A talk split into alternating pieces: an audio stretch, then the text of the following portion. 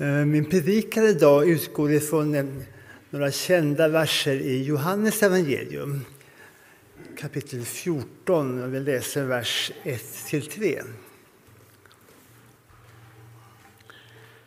Så här säger Jesus till sina lärjungar. Känn ingen oro. Tro på Gud och tro på mig.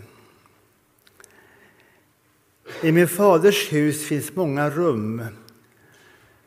Skulle jag annars säga att jag går bort för att bereda plats för er? Och om jag nu går bort och bereder plats för er så ska jag komma tillbaka och hämta er till mig för att också ni ska vara där jag är. Herre, vi ber att du ska vara med oss nu när vi delar ditt ord här. Vi ber om tydlighet, vi ber om din Andes närvaro. Tala till oss. Tröst och uppmuntran, jag ber. Besinna oss du, i Jesu namn. Amen. Vi lever i oroliga tider, det är väl ingen som har missat det. Eh, krig pågår i vårt närområde och många andra håll i världen också. Eh, vi upplever dyrtider, det märker man när man går och köper mjölk och ost och annat i affären. Och man undrar hur går det med, med priserna framöver. Och eh, elräkningar och annat. Nu har vi jordbävningen som har drabbat Turkiet och eh, norra Syrien. Och det är många andra länder där man också upplever oroligheter på olika sätt, flyktingvågor. Klimathotet, en del som kämpar med, jag tycker det här, det här ser hemskt ut med den här konstiga vintern. Och vad händer sen då? Vad händer med vårt, vår, vår jord, vår värld? Och vi har skjutningar och vi har våld på nära håll i vårt land och i andra länder.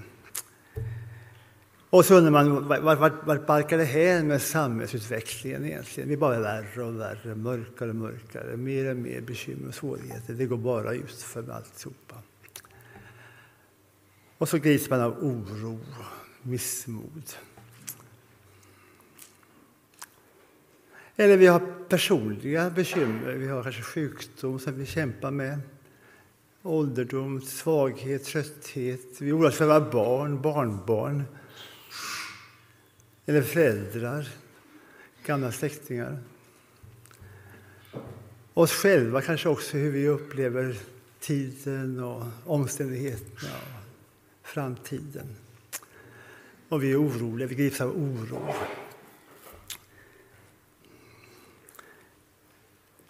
Jesus säger till sina lärjungar, känn ingen oro. Tro på Gud och tro på mig. Inte bara vi som är oroliga, utan också lärjungarna var oroliga på den här tiden. De, de hade ju vandrat med Jesus i några år och sett honom och förstått kanske mer och mer hans uppgift och uppdrag och vem han är och var. Och de hade vandrat nu ner mot Jerusalem. Och de hade förstått kanske tydligare och tydligare att det, det, det här var en slags vändpunkt i deras gemenskap med Jesus. Eh, vad händer nu då? Eh, det här med, med eh, eh, talet om, om, om korset och lidandet och döden. De har varit med i intåget och jublat eh, några dagar tidigare. Eh, och nu hade de firat en personlig stund med Jesus. Eh, Jesus hade, hade på ett märkligt sätt tvättat deras fötter och, och talat om det här med tjänandet och att, att följa hans exempel i tjänandet. Och det här med att de ska förråda honom. Och han skulle gå bort, gå någonstans dit de inte kunde följa honom. Och vad händer nu då? Vad händer sen då? Och de var oroliga. Eh, konst, konstig framtid, tänkte de. Men, men, men då säger så här, känn ingen oro. tro på Gud och tro på mig. Jesus tröstar lärjungarna i deras oro. Men han ger dem också ett slags förhållningssätt i oron, i den här okända framtiden, förvirringen. Tro på Gud, säger han.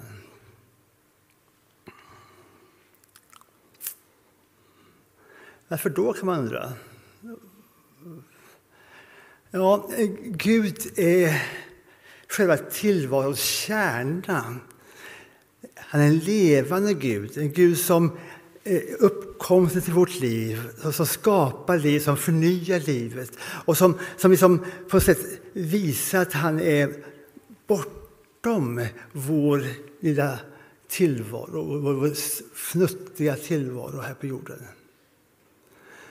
Eh, när Mose gick där med fåren uppe på berget Sinai och såg den brinnande busken så uppenbarade Gud sitt namn för honom och sa vem är du Herre? frågade Mose. Jag är, jag är den jag är. Själva existensens kärna. Och, och, och, och Johannes i Uppenbarelseboken, han på något sätt får en inblick i verkligheten, så är det jag är A och O, säger Herren. Jag är.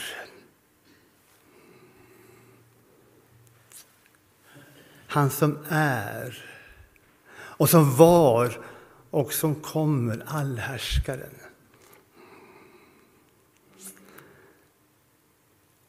Gud är bortom den här världens eh, begränsningar, bortom tid och rum kan man säga, men ändå mitt i tid och rum. Han är före all tid, han är efter all tid och han är i tiden. Evig, utan början och utan slut.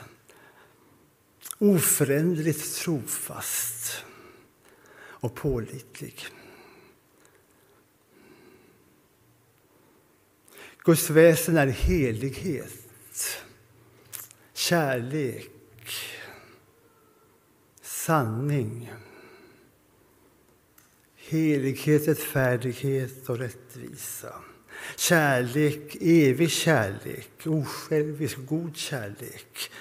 Utgivande, nådelig kärlek, barmhärtig, pålitlig kärlek. sanning, den enda sanne guden. Pålitlig och god i sin sanning. Han är den allsmäktige. Ingenting är omöjligt för honom. Han råder över sin skapelse. Gud håller hela världen i sin hand. Men han har ändå tid att tänka på mig och på dig och på oss alla. Han håller varje enskild individ i sin hand, varje enskild situation i sin hand.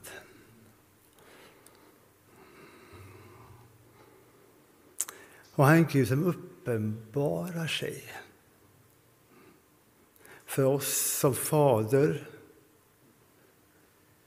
som son och frälsare och som helig Ande. Gud med oss och Gud i oss. Tro på Gud, säger Jesus. Och så fortsätter han och tro på mig. Varför då? Jo, Jesus är Immanuel, Gud med oss. Han är utstrålningen av Guds härlighet, Guds väsens avbild. Och vi kan få upp kanske Hebreerbrevet 1 och 3 också här.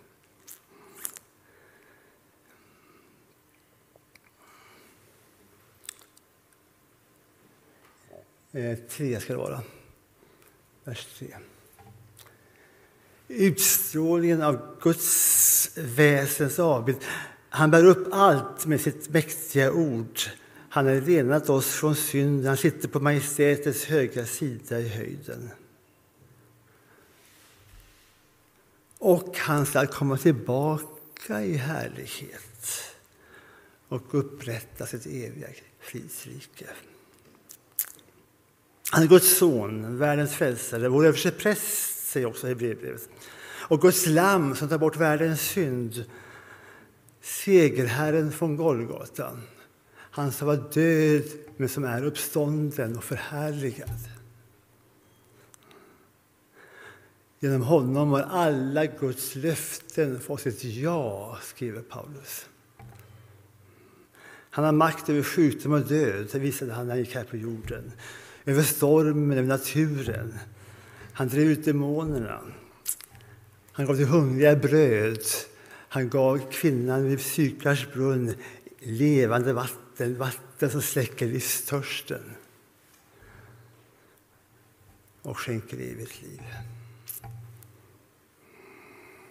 Han som sa åt mig har getts all makt i himlen och på jorden och jag är med er alla dagar till tidens slut. Så var inte rädd. Tro på Gud. Tro också på Jesus.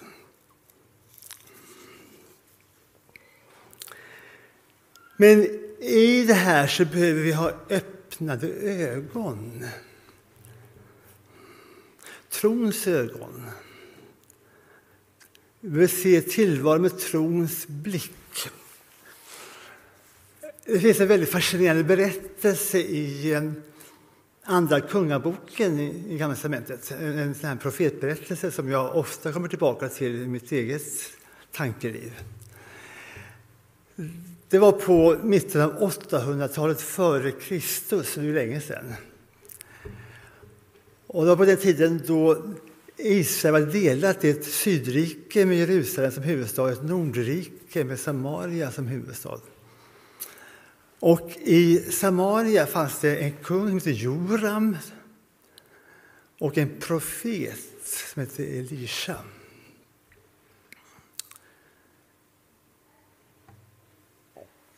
Kung Joram hade en fiende, kungen av Aram som plågade och attackerade ständigt med sina trupper Nordriket. Och kungen av Aram skickade in de här, de här trupperna, det var som strövkårer som försökte irritera och attackera och förvirra gång på gång. Men det gick så dåligt för dem. Varje gång kungen av Aram skickade en sån här grupp så, så, så misslyckades de med sina bakhåll och sina attacker. Och till sist blev kungen så irriterad så han sa han samlade sina officerare och sa Vem av er är det som är spion? Alltså? Vem, är, vem är förrädare av er här som berättar för kung Joram i Samaria vad jag ska göra? Och som alltså saboterar mina planer. Och då skrattade en av officerarna och sa det är inte alls så, kung. Utan det är så att i Israel finns det en profet och den profeten, Elisha, han vet, Gud berättar för honom vad du planerar att göra. Och han berättar för kung Joram. Och så kan man undvika dina planer. Då sa kungen av Aram, honom måste vi fånga. Så att de skickade iväg, han skickade iväg en trupp då för att söka upp eh, profeten Elisha. Och Elisha befann sig just då vid Dotam. Dotam är en liten stad ett par mil norr om Samaria. Och där var han väl och liksom hälsade på och sov i ett hus. Och på morgonen så gick hans tjänare ut och blev alldeles panikslagen. För hela stan var ju omgiven av fiendetrupper. Kungen av Arab hade skickat sina soldater och sina stridsvagnar och omringar staden. Och han, han, han väckte profeten. Kom och se, vi, vi, det är fin överallt. Och säger lite så här. Han ser ju fienden. Man säger så här till tjänaren. Var inte rädd, säger han. Det är fler på vår sida än på deras sida. Och så vänder sig profeten mot Herren Gud och säger Herre, öppna hans ögon.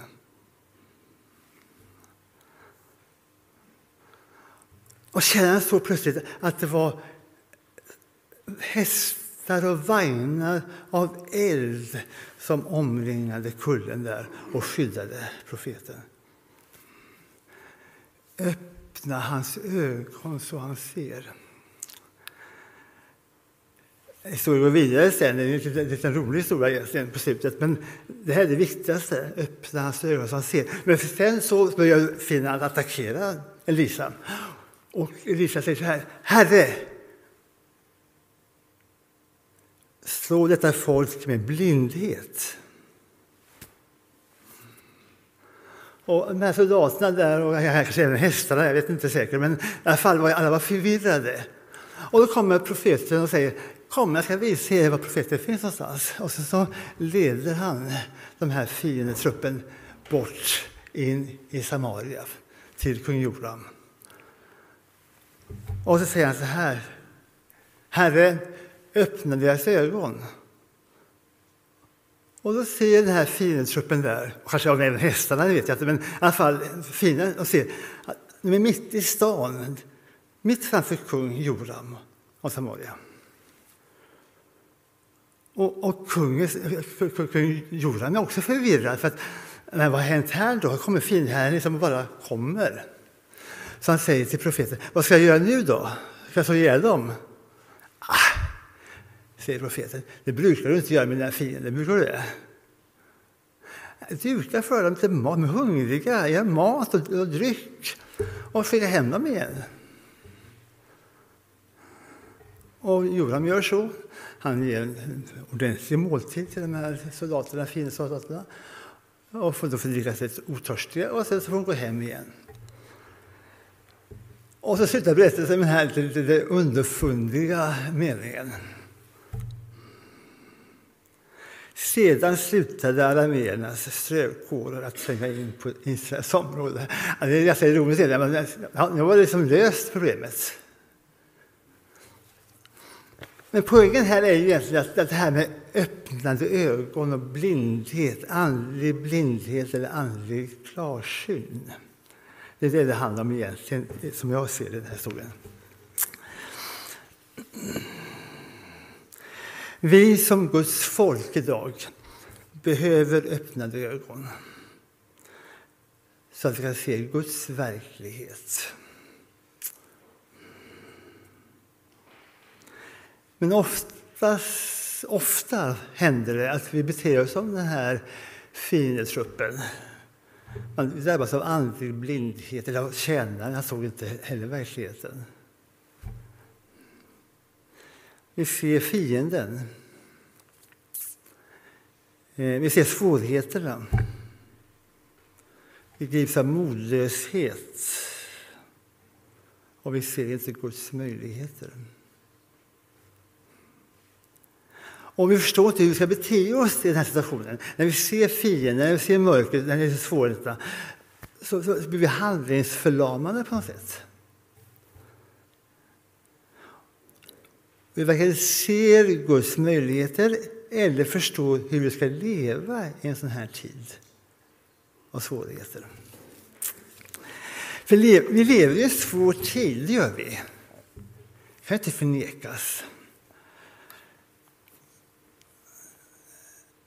Petrus skriver igen så här då eh, i första Petrusbrevet 4 och 7.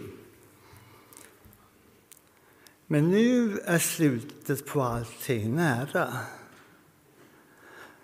Var då samlade och nyktra så att ni kan be.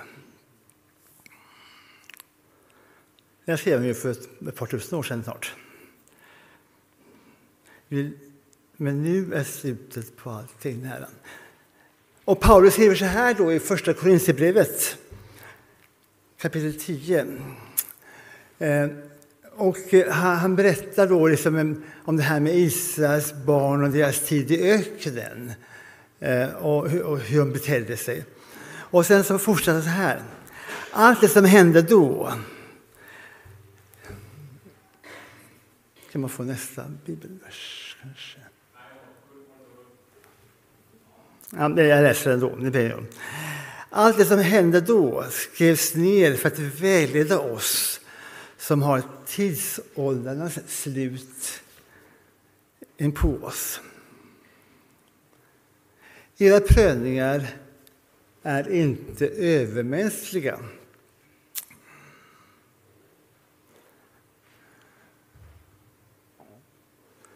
Nu hoppar jag över en rad här. Men därför ska den som tror sig stå stadigt se till att han inte faller. Era prövningar har inte varit övermänskliga. Gud är trofast och ska inte låta er prövas över er förmåga.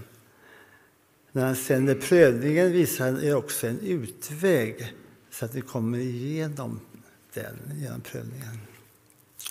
Alltså, den kristna grundsynen är att vi lever i tidsåldrarnas slut. Det har vi gjort ända sedan Jesus uppstod och få upp till himlen och första pingstdagen. Vi lever i tidsåldrarnas slut.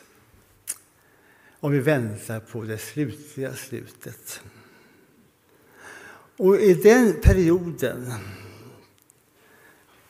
församlingens tidsålder,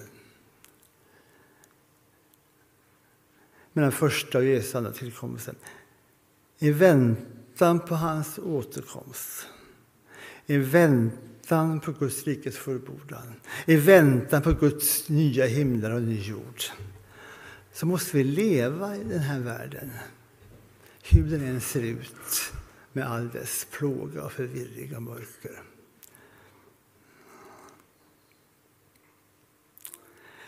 Våra prövningar är inte övermänskliga. För Gud leder oss igenom, Gud leder församlingen igenom prövningarna. Men vi förstår inte allt som händer. Det har ju aldrig det har, kan inte kräva heller egentligen. Det är inte vår sak att förstå allt som händer.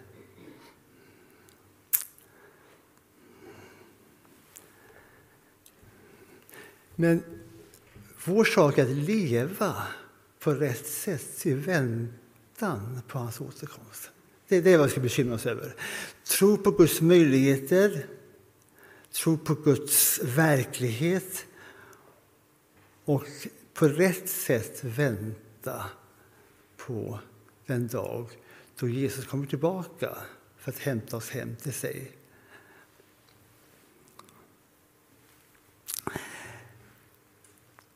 Det finns en text som vi inte läser så mycket tror jag längre, vi som tillhör Guds folk. Jag tror inte det i alla fall. Eh, vi har varit inne tidigare några söndagar här på att Matteus evangelium innehåller ett tal, liksom ett block med tal.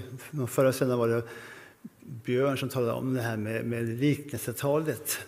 Många liknelser om Guds rike. Och Emil var inne då för ett par veckor sedan det här med eh, talet om tidens slut. Det första av Jesu tal, av de samlade talen, finns redan i bergspredikan i Matteus 5-7.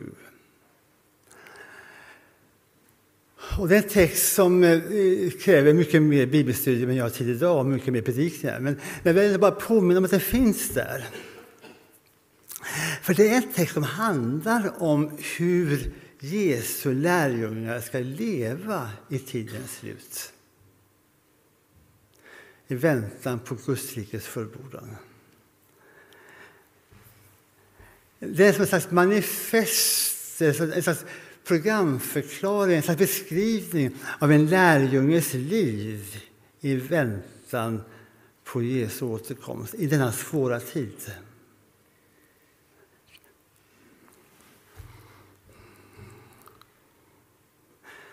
Den börjar så här, själva berättelsen i Matteus 5, att Jesus går på ett berg för att undervisa. Och hans lärjungar kommer upp fram till honom och han undervisar sina lärjungar. Alltså är bergspredikan egentligen en undervisning för församlingen i världen i väntan på Guds rikes fullbordan. Jag ska bara väldigt snabbt här innan jag slutar bara påminna oss om lite grann vad, vad Jesus tar upp i den undervisningen. Som är lika aktuell för oss idag som det var för hans lärjungar på den tiden. Han börjar med att beskriva hur ser en lärjunge ut? Hur ser församlingen ut? Hur ser Guds folk ut? Vad är det för slags människor? Han säger så här. De är fattiga i anden. Alltså, de är helt beroende av Gud. Har inget i sig själva. Helt beroende av Gud. Det är en lärjunge. De sörjer, säger han. Inte allmän sorg, utan man sörjer över världens ondska och synd och över sin egen ondska och synd, över, över tidens mörker. Det är de ödmjuka. De som hungrar och törstar efter rättfärdighet. Den de barmhärtiga. Den de renhjärtade, de som är helt uppriktiga inför Gud. De som håller fred. De som förföljs för rättfärdighets skull. Det här är en beskrivning av församlingen, av lärjungaskaran, av lärjungar. Sådana är vi. Men en lärjunge har också inflytande här i världen. En lärjunge av församlingen är salt i förruttnelsen. Ett ljus i mörkret.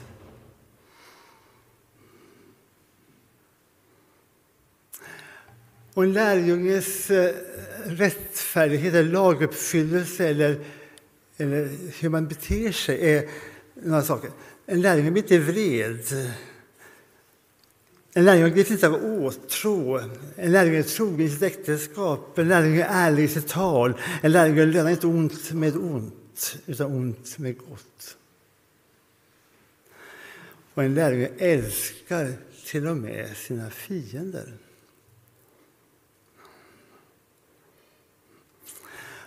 Och en lärjunges fromhet, liksom religiösa rättfärdighet, är uppriktighet och inte hyckleri.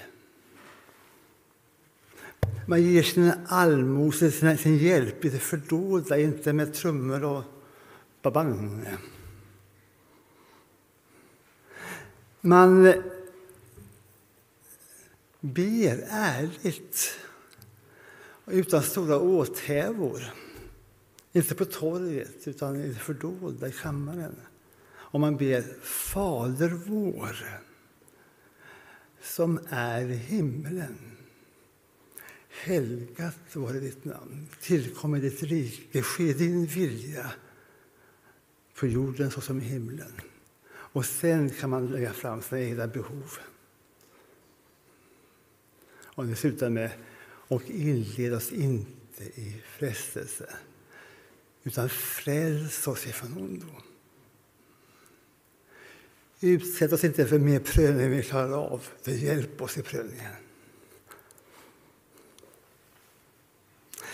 Och en lärjunges strävan, ambition är att samla skatter i himlen, inte på jorden. Att leva i ljus och inte i mörker, att känna Gud och inte mammon, inte, inte känna det, det jordiska. Att prioritera Guds rike framför kroppens behov.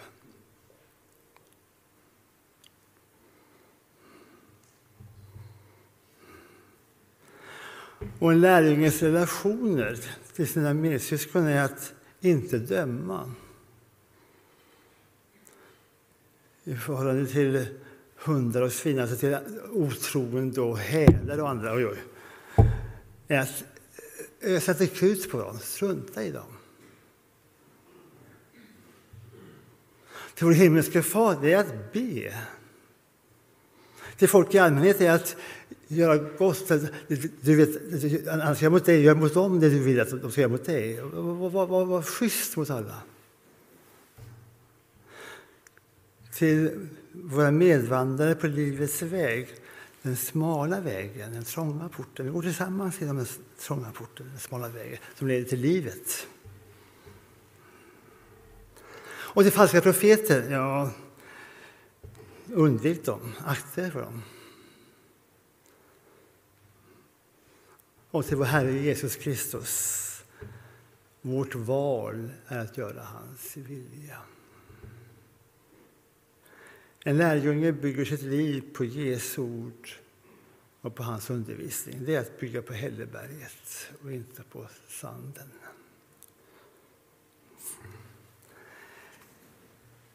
Jesus sa till sina lärjungar Var inte oroliga, känn ingen oro. Tro på Gud och tro på mig. Jag går bort för att bilda rum för er. Jag kommer tillbaka för att ni ska vara hos mig för alltid i mitt rike. Och det löftet gäller fortfarande. Vi väntar fortfarande på att han ska komma tillbaka och hämta oss till sitt rike sitt fridsrike, till sitt himmelska, till nya skapelsen, ny jord, till där rättfärdighet bor. Där det inte är några jordbävningar, där det inte är några krig, där det inte är några hungriga flyktingar, ingen ondska, inga maktgalningar, utan Guds eviga fridsrike, där Herren själv är kung över sitt rike. Och det är vårt hopp, det är det kristna hoppet. Och i väntan på det hoppet lever vi våra liv som Kristi lärjungar. Herre, hjälp oss att eh, se din verklighet, att öppna, öppna våra ögon, Herre. Vi känner oss ibland blinda, vi förstår inte vad som händer, vi fattar ingenting. Men Herre, öppna våra ögon så att vi ser vem du är och dina möjligheter och din plan med våra liv. Herre, hjälp oss att vara trogna den tid vi har kvar här på jorden, att leva som dina lärjungar att leva ut ditt rike i väntan på ditt stora rike när det kommer tillbaka i härlighet. Jag ber i Jesu namn förbarma dig över oss. Amen.